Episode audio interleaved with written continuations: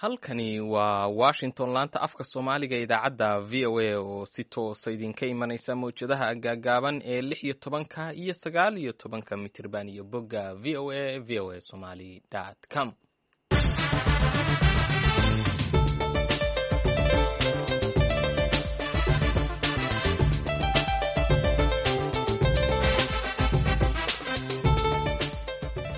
subax wanaagsan idil ahaantiinba waa aroornimo axad ah afarta bisha februari ee sanadka labada kun iyo afar iyo labaatanka.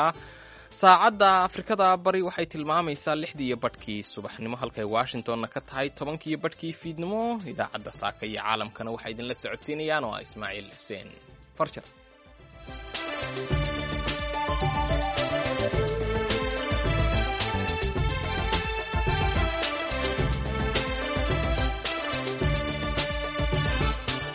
qodobada aan idinku hayno idaacaddeenna saaka caalamkana waxaa ka mid ah ciidamada booliska ee dalka faransiiska oo su'aalo weydiinaya nin toore ku dhaawacay saddex qof oo ku sugnaa goob laga raaco tareenada dhulka hoostiisa mara.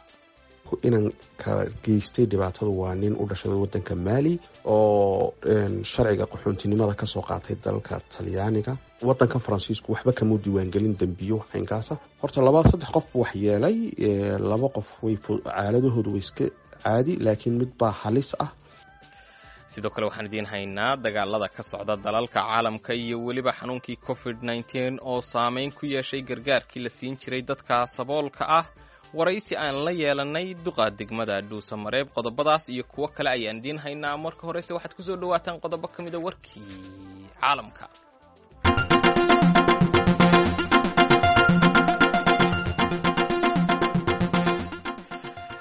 maxkamad ku taalla dalka bakistan ayaa ku xukuntay ra'iisul wasaarihii hore ee dalka bakistan imraan khan iyo xaaskiisa toddoba sano oo xadhig ah kadib markii ay ku heshay inay ku xadgudbeen sharciga guurka ee dalkaas sannadkii labada kun iyo sideed iyo tobanka xukunkan muranka dhaliye ayaa soo baxay ka hor doorashada guud ee dalkaas. Ka dhacaysa maalinimada khamiista waxaana xukunkani noqonaya kii saddexaad ee lagu rido imraan khan toddobaadkan iyo weliba xukunkii afraad ee lagu rido tan iyo wixii ka dambeeyey markii awoodda laga xayuubiyey. Xukunkan ayaa laga soo saaray xabsi ammaankiisa. Aad loo adkeeyey oo ku yaalla duleedka islaamabad maxkamadda ayaa sidoo kale ku ganaaxday imraan khan iyo xaaskiisu inay bixiyaan lacag gaadhaysa saddex kun iyo lix boqol oo dollar.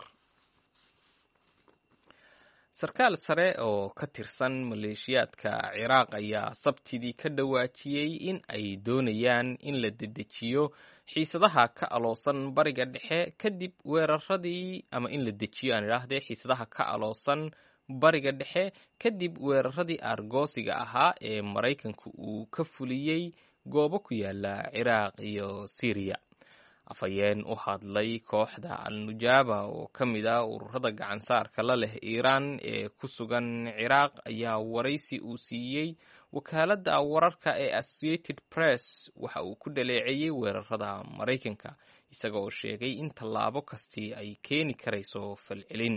Hase ahaatee wuxuu sheegay in aanay qorshaha ugu jirin in ay xiisadda ku sii baahiyaan gobolka oo dhan. Dhegeystayaal intaas waxay naga eeg warkeennii dunida. Haatanna u diyaar garooba qaybaheenna kale ee idaacadda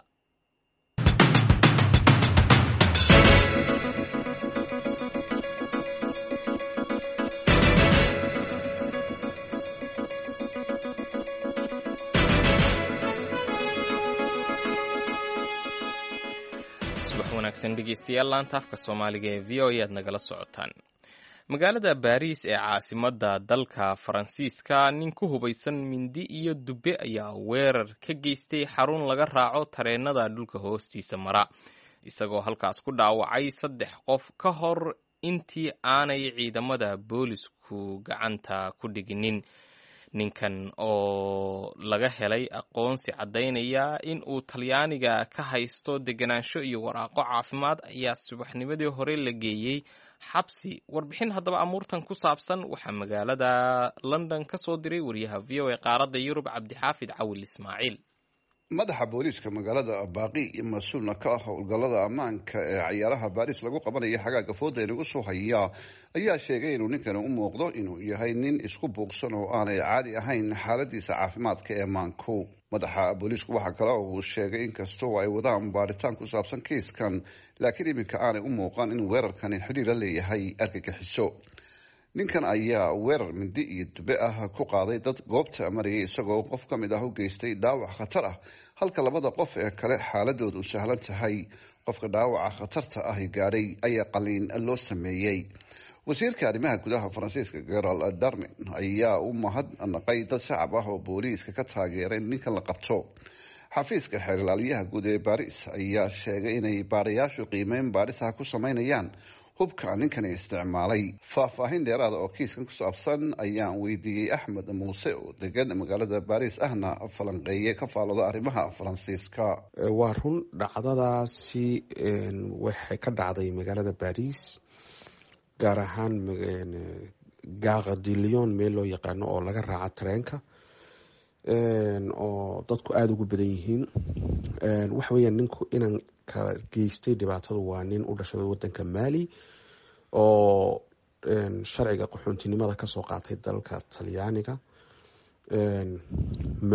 Waqti saawsii fog maha. Wadanka faransiisku waxba kamuu diiwaangelin dambiyo caynkaasa laakiin waxa markii la qabtay horta laba saddex qof bu wax yeelay. Laba qof caaladahoodu way iska caadi laakiin mid baa halis ah boolisku waxay leeyihiin dalkan faransiisku waxa loo yaqaana gaard afu gaardi afu waxa weyan qofka waa la ilaalinayaa.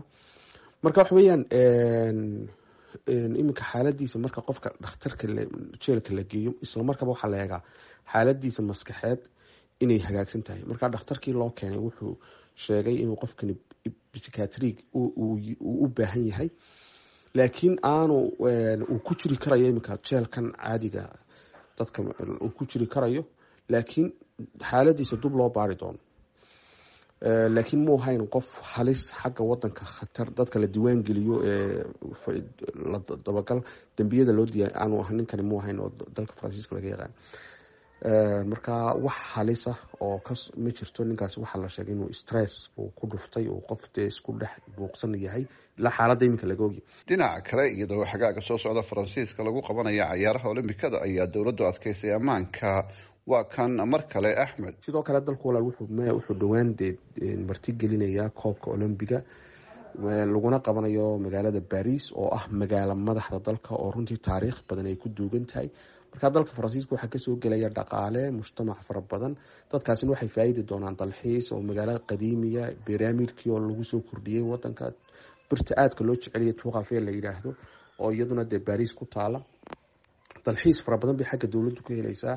Shacbigu iyagu waxay helayaan dhaqaale oo dee hodheeladii waxay noqonayaan aada bay u noqonayaan cidhiiri kolley qiimaha qiimuhu aada buu u kordhi doonaa. Badanaa dadku waxay jecel yihiin oo dibadahay seexdaan maadaama xagaag xagaaga ay ku beegmayso waxay iska taandhooyin bay iska qaadan doonaan dibadahay iska seexan doonaan sida lagu wado. Dabcan adeega ammaanka aada baa loo adkeynayaa waxaana la yska ilaalinaya in diimaha sida diinta islaamka oo kale wax laga sheego oo hore khatari uga magaranaysa marka waa in dalku si uu ammaankiisa u ilaaliyo cashar. Wixii dhibaatooyinkii hore soo dhacay cashara uga qaato waa inaanu diimaha iyo waxaa arrimaha aan la faragelin. Cayaaraha olombikada ayaa lagu furayaa xaflad weyn oo ka dhici doonta agagaarka webiga zeeni lix iyo labaatanka julaay ee sanadkan iyada oo arrinka ugu weyn yahay dhinaca ammaanka. Marar badan waxaa ka dhacay weeraro dalka faransiiska waxaana ugu weynaa weerarkii sannadkii labada kun iyo shan iyo tobankii iyadaoo saddex iyo tobankii nofembar ee sanadkaasi weerar saddex qarax ah uu ka dhacay magaalada baris iyo degmo u dhow oo la yidhaahdo zaun denis weerarkii ugu dhowaa waxa uu ka dhacay barta calaamada u ah baris ee evel towers iyada oo nin dalxiise ee jarmalka u dhashay mindi lagu dilay halka laba qof kalena lagu dhaawacay. Cabdi xaafid cawil ismaaciil v o a london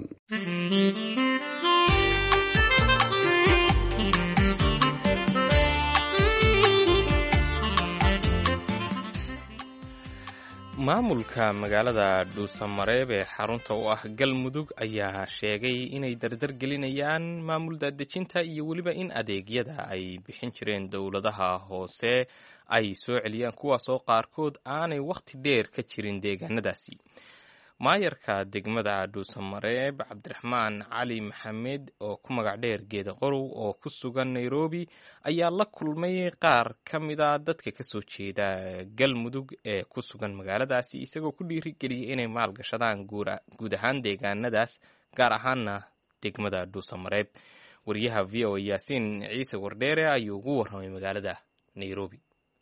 Jaaliyadda waxaan kala hadlay marka hore waxaan uga warbixiyey xaaladda galmudug hadda ay ku sugan tahay haddii ay tahay xagga amniga haddii ay tahay xagga waxbarashada haddii ay tahay xagga caafimaadka haddii ay tahay xagga biyaha iyo haddii ay tahay isku xirka bulshada iyo haddii ay tahay macnaha dhismayaalka golaha golayaalka deegaanada iyo degmooyinka cusub oo hadda maaragtay la magacaabay oo baarlamaanku uu soo gudbiyey.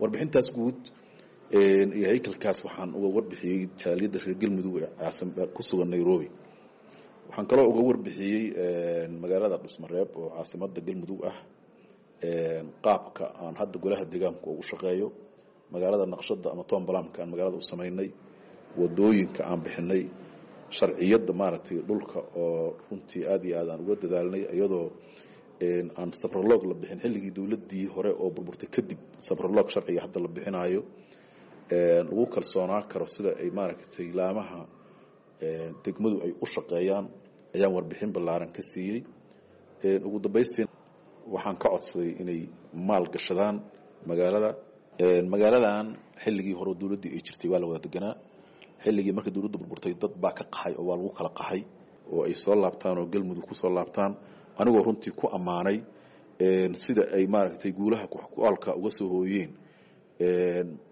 dowladaha deriska nale oo ay maalgashadeen sida maaragtay kenya iyo tanzania iyo maaragtay uganda iyo wadamadan oo dhan marka waxaan ka codsaday inay xukumahaaga hal dambiil laguma shubee inay maaragtay ay magaaladiina maalgashadaan ama galmudug dib ugu soo laabtaan. Waxyaabaha kaloo aad ka hadashay waxaa ka mid ahaa sida loo dhisay counsilada oo ay markaasi deegaanka dham ee gobolka oo dhan ay ka wada qayb galeen taasi oo la doonayo maamulka in hoos laga soo dhiso si ay kor markaasi ilaa iyo heer qaran u gaaraan. Arrimahaas xaggee idin maraya waxay noo marayaan horta meel fiican. Waxaa sideedaba ujeedku og yahay qofka madaxda ah oo degmada jooga.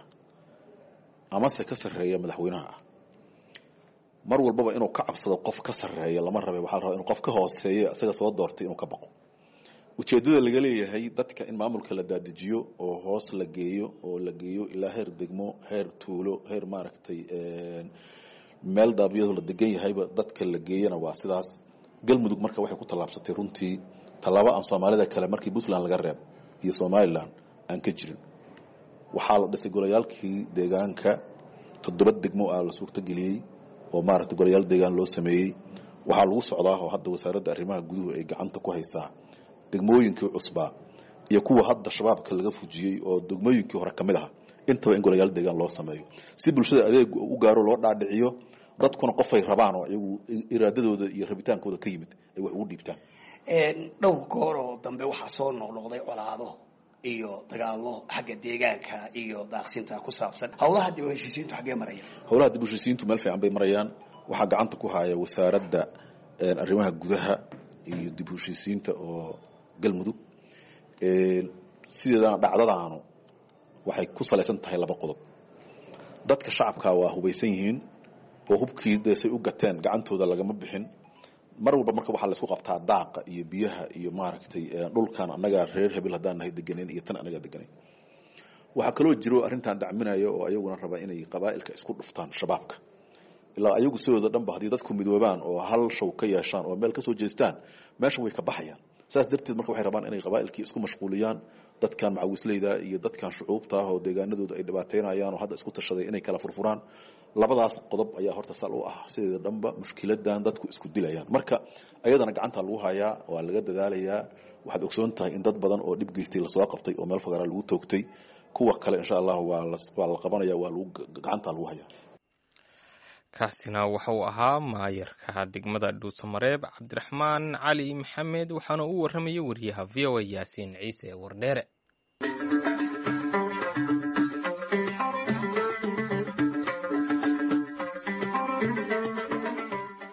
subax wanaagsan idin lahaantiin ballaanta afka soomaaliga ee v o e aad nagala socotaan. Dagaalada ka socda caalamka iyo xanuunkii safmareenka ahaa ee covid nneteen ayaa saameyn adag ku yeeshay gargaarkii la siin jiray dadka saboolka ah gaar ahaan qaxootiga ku nool xeryaha dhadhaab qaar ka mid a hogaamiyaasha qaxootiga ayaa v o a u sheegay in markii labaad ay hay'adaha samafalku dhimeen raashinkii la siin jiray qaxootiga waa sida ay sheegeene iyaga oo dhimay haatan ilaa labaatan boqolkiiba taasoo ka dhigaysa in guud ahaan ay dhimeen xilliyadii ugu dambeeyey ilaa konton boqolkiiba kadib markay hore u dhimeen soddon boqolkiiba qaxootiga ayaa sheegay in ay duruufo adag oo nololeed ay ku jiraan xeryaha islamarkaana waxay baaq u direen hay'adaha samafalka. Guddoomiyaha guud ee xerada xagardheer khaliif dhuubow jeelle ayaa wariyaha v o a axmed cabdulaahi jaamac uga warramay xaaladda qaxootiga dhadhaab iyo sida uu u saameeyey raashinka la dhimay. Magacayga waxaa waye khaliif dhuubow jeelle guddoomiyaha guud ee xeradan xagardheera aad iyo aad waa dhibaato weyn bay ku tahay qaxootiga. Waa boqolkiiba konton baa maanta la helayaa baa layidhi oo raashin fiican hataa tayo leh aanan ahayn. Marka sidaa daraaddeed waxaa weeyaan aad bay dhib ugu tahay qaxootiga.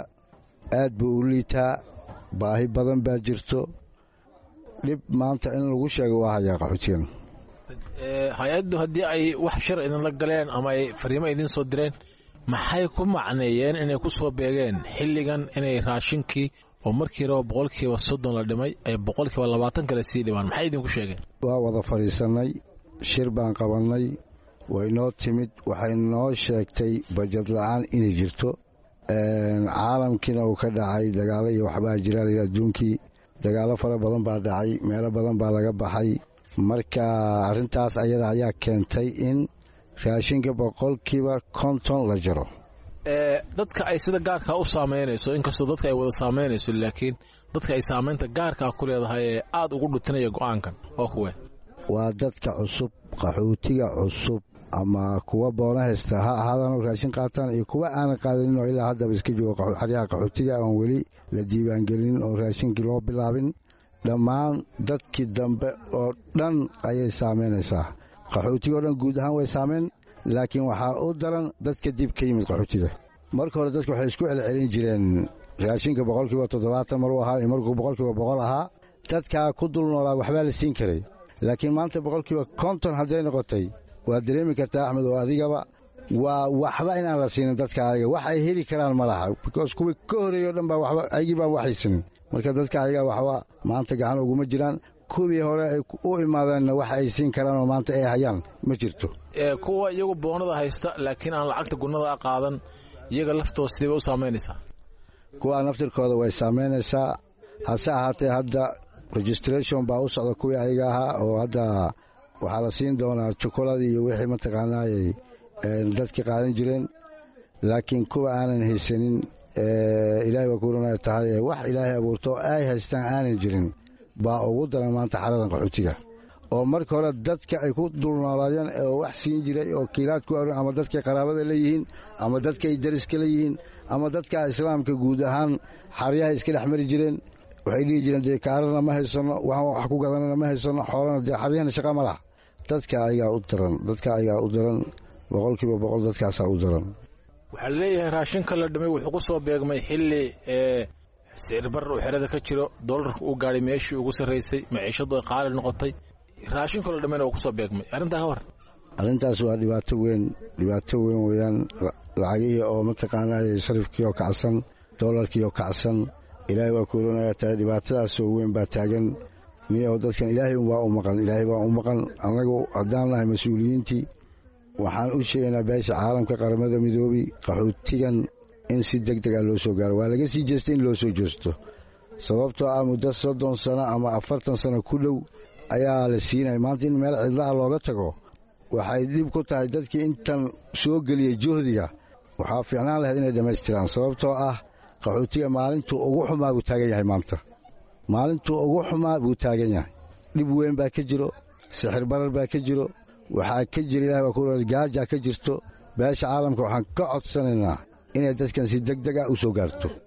Marka raashinka laga yimaado guddoomiye wax kaloo laga cabanaya oo dadka ka cabanayaan in dhammaan saafisiyadii dhammaan yaraadeen. Hadday caafimaad tahay waxbarashada lafteeda biyaha oo aada looga cabanayo kuwaana maxaa saameyntooda xay ka timi? Hay'adihii way gaabiyeen xaryahan joogay. Ayagii markaan la hadalna aan wax u sheegnan waxay dhaheen dhaqaalo la'aan baa jirto.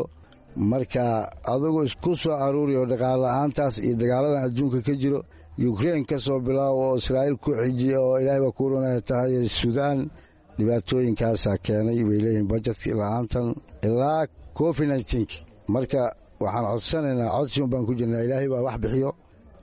Waxaan ka codsanaynaa ummaddaa wax haysata ama beesha caalamka dadkan qaxootiga wixii wax siin jir oo dhan inay u soo gurmadaan. Ma idiin sheegeen xilli ay ku eg tahay raashinkan go'an? Mase waa wax hadda uun la gooyey oo xilli la soo celin doono aan la ogeyn lama ogo lama ogo. Waxaan haysanaan ku xisaabtamaynaa boqolkiiba konton baa raashinkan laga dhigay.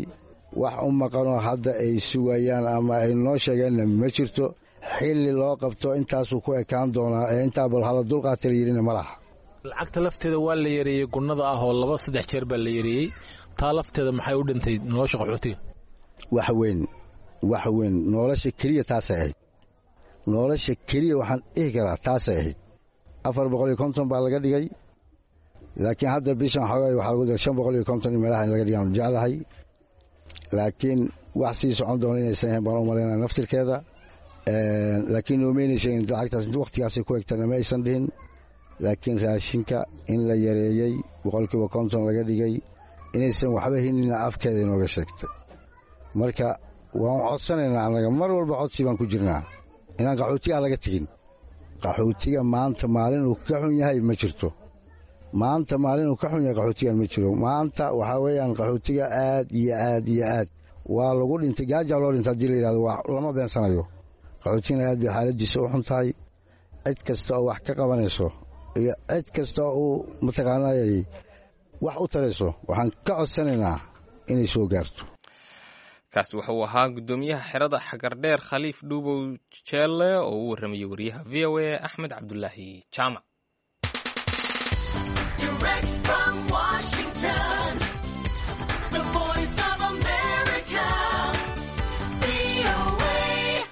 kumanaan arday ayaa sanad walba ka baxa jaamacadaha kala duwan ee ku yaalla magaalada hargeysa kuwaas oo sare u sii qaadaya tirada dhalinyarada shaqola'aantu hayso ee ku nool somalilan inkastoo qaar badan oo ka mid ahi sugaan in ay fursado shaqo helaan haddana qaarkood ayaa iyagu fursado shaqo abuurtaa lana yimaada adeegyo ganacsi oo ay uga faa'iideyn karaan ardayda kale ee aan dhaqaalaha badan haysanin. Adeegyadaas ganacsi ay dhalinyaradu abuurtay waxaa ka mid ah arda filmis oo samaystay goobo si qaabaysan loogu duubi karo barnaamijyada kala duwan xasan yuusuf xuseen oo ku magac dheer xasan mataan oo ah qofka hirgeliya adeegan ayaa u waramay wariyaha v o a xamse cali jesto. Halabuurkan aan ku soo kordhiya hargeysa waa baahi bulshadan ka dhex aragno wey halabuurkan wuxuu ku yimi waxda ganacsigu wuxuu ku yimaadaa caqaba jirta oo la xaliyo. Marka waxaan arkayna anagu caqaba jirtay inaan xal u noqonay. Caqabadaasoo ah tusaale ahaan dadkan wax duuba tusaale ahaan inuu hadduu wariyo yahay t v ba u shaqeeya t v ba ka saacidaya laakiin dadka tusaale ahaan youtuberka dadka macalimiinta dadka si kalaba u isticmaala social media ma haystaan amba studio amba meel ay u isticmaalaan.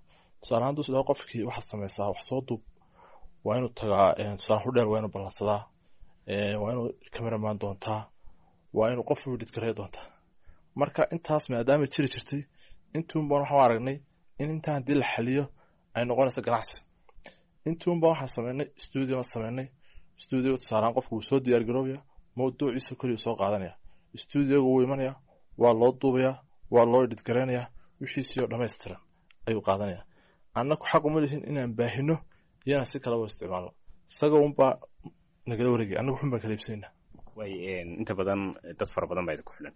Yay yihiin dadka idinku xidhan qaybaha bulshada markaa la eego ma tiktokera ma youtubera ma meesaad ku duubtaan ma mawaadiic baad duubtaan. Maxay yihiin mawaadiicda inta badan dhalinyaradu idinla timaado waxyaabaha dadka ku imanaya waxaa badan dad mawduuca ay isticmaalayaan amba ay sameynayaan. Aan aqoon badan lahayn runtii. Tusaale ahaan ina yaroo soo kacaya oo dudoon jaamacad baabu dhiganaya amba wax kalaabu sameynaya wuxuu rabaa inuu mawduuc ka hadlo. Tusaale ahaan inaan injineerika dhiganayo kalaa ku imanaya wuxuu rabaa engineerkii inuu ka hadlo. Markuu rabo engineerkii ka hadlo isagii waa arday waxaa laga yaabaa lacagtii studio wax yar baan charge garaynaa dadka inuu waxaa awoodi waayo. Laakiin macalinkii awoodayay lacagtii aqoontii hayay lagama yaabo inuu imaado studiogii dadkii la hadlo. Gaabkii waxa bannaan dadka wanaagga jecel inay ka hadlaan oo dadkii waxyaabaha kale ka hadlayay ayaa social media ku badan. Waxaa jira barnaamijyo badan ood goobta ku qabataan. Idinku ma jiraan barnaamijyo idin khaas oo ah aan ahayn kuwa dadka oo aada soo saartaan. Ha aniga way jiraan dhowr barnaamij baan anaka noo gooniya broadcast baan noo gooniya annaga ka baxo oo dadka halabuurka bulshada magaca ku leh aan islena bulshaduna waxbay ka faa'iidaysaa lagu soo casuumo oo dad dadka dhiirigelinaya dad macalimiina dad waxa ay ka hadlayaan ku takhasusay ka mid ka mid yihiin waxaa jira barnaamij kale oo dadka qur'aanka shiikhyada oo kale qur'aanka kale maarata iyo wacdiga ku sameeyaan oo kaasoo kale wixii qur'aanka iyo diinta ku saabsan studio waxa lama charge free baa lagu sidayaa kuwaasoo kale. Arday nashiidooyin ku sidaysaa jirta. Waxaa jira dad iyagu sidooda markay u imaadaan waxaa haddii mawduucooda wax laga faa'iidayo ay dadka u bandhigayaan. Annagu waxaan weydiisanaa in anaguna platformka ku soo bandhigi karno san dadkii ula wadaagno wax kastaa markuu cusub yahay wuxuu leeyahay caqabado caqabado ma kala kulantay intaas wallahi caqabado sababsi waaweyn kalama kulmin laakiin caqabadaha kala kulan waxaa ka mid ah waktiga dadkii waktigii markaad balimisay studio wakti baan karaynaa tusaale qofka waxa saacad baa laga karayaa saacaddiis waxaa waa tusaale toddobada habeenimo kaalay waxaa laga yaabaa laba saacadood in ka soo habsaamo oo qofkii ka dambeeyena uu imanayo taa laftigeeda caqabada iyo waxyaabaha caqabada kale dadku markay kamarada ku cusub yihiin waa maarata waa ku yar dhib badan tahay marka taa laftigeeda iska caqabad inkastoo marka qofku ku soo noqnoqdo markii dambe iskala qabsanaya kaasi waxa uu ahaa xasan yuusuf xuseen ku magac dheer xasan mataan uu warramiyey waryaha v xamse cali jeesto. Haatanna dhinacii heesaha ayaan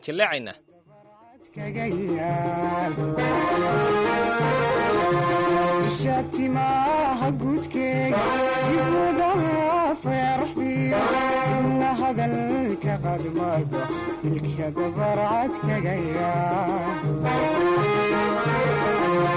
kagaya dib markaanu fiirsado qanax yaraada mumsiya idisheeyay cabaryada isla gaaray dacalada dib markaanu fiirsado qanax yaraada mumsiya idisheeyay cabaryada isla gaaray dacalada dagaalabada garaabiyu waxyahaa dushooda dagaalabada garaabiyu waxyahaa dushooda dandhaqaaqa lafya adyaanigu yaabay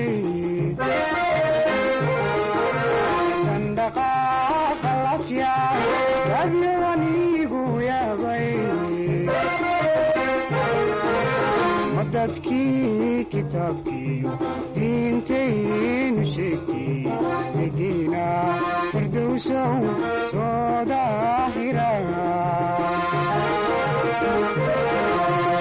dadkii kitaabkiiyo diintaynu sheegtay degiina firdowsow soo daahira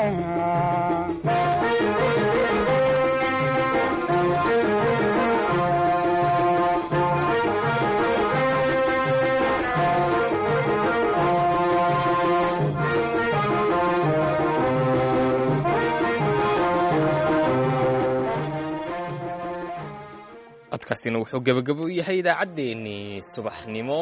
Oo aan idinla socodsiinaya anoo ah ismaaciil xuseen farjar. Dhinaca farsamadana nuur xasan nuur ayaa idinla socodsiinaya tan iyo intayn idaacadda xigta ku kulmayno. Waxaan kaga tegaynaa sidaas iyo ismaqal dambe oo xiisa leh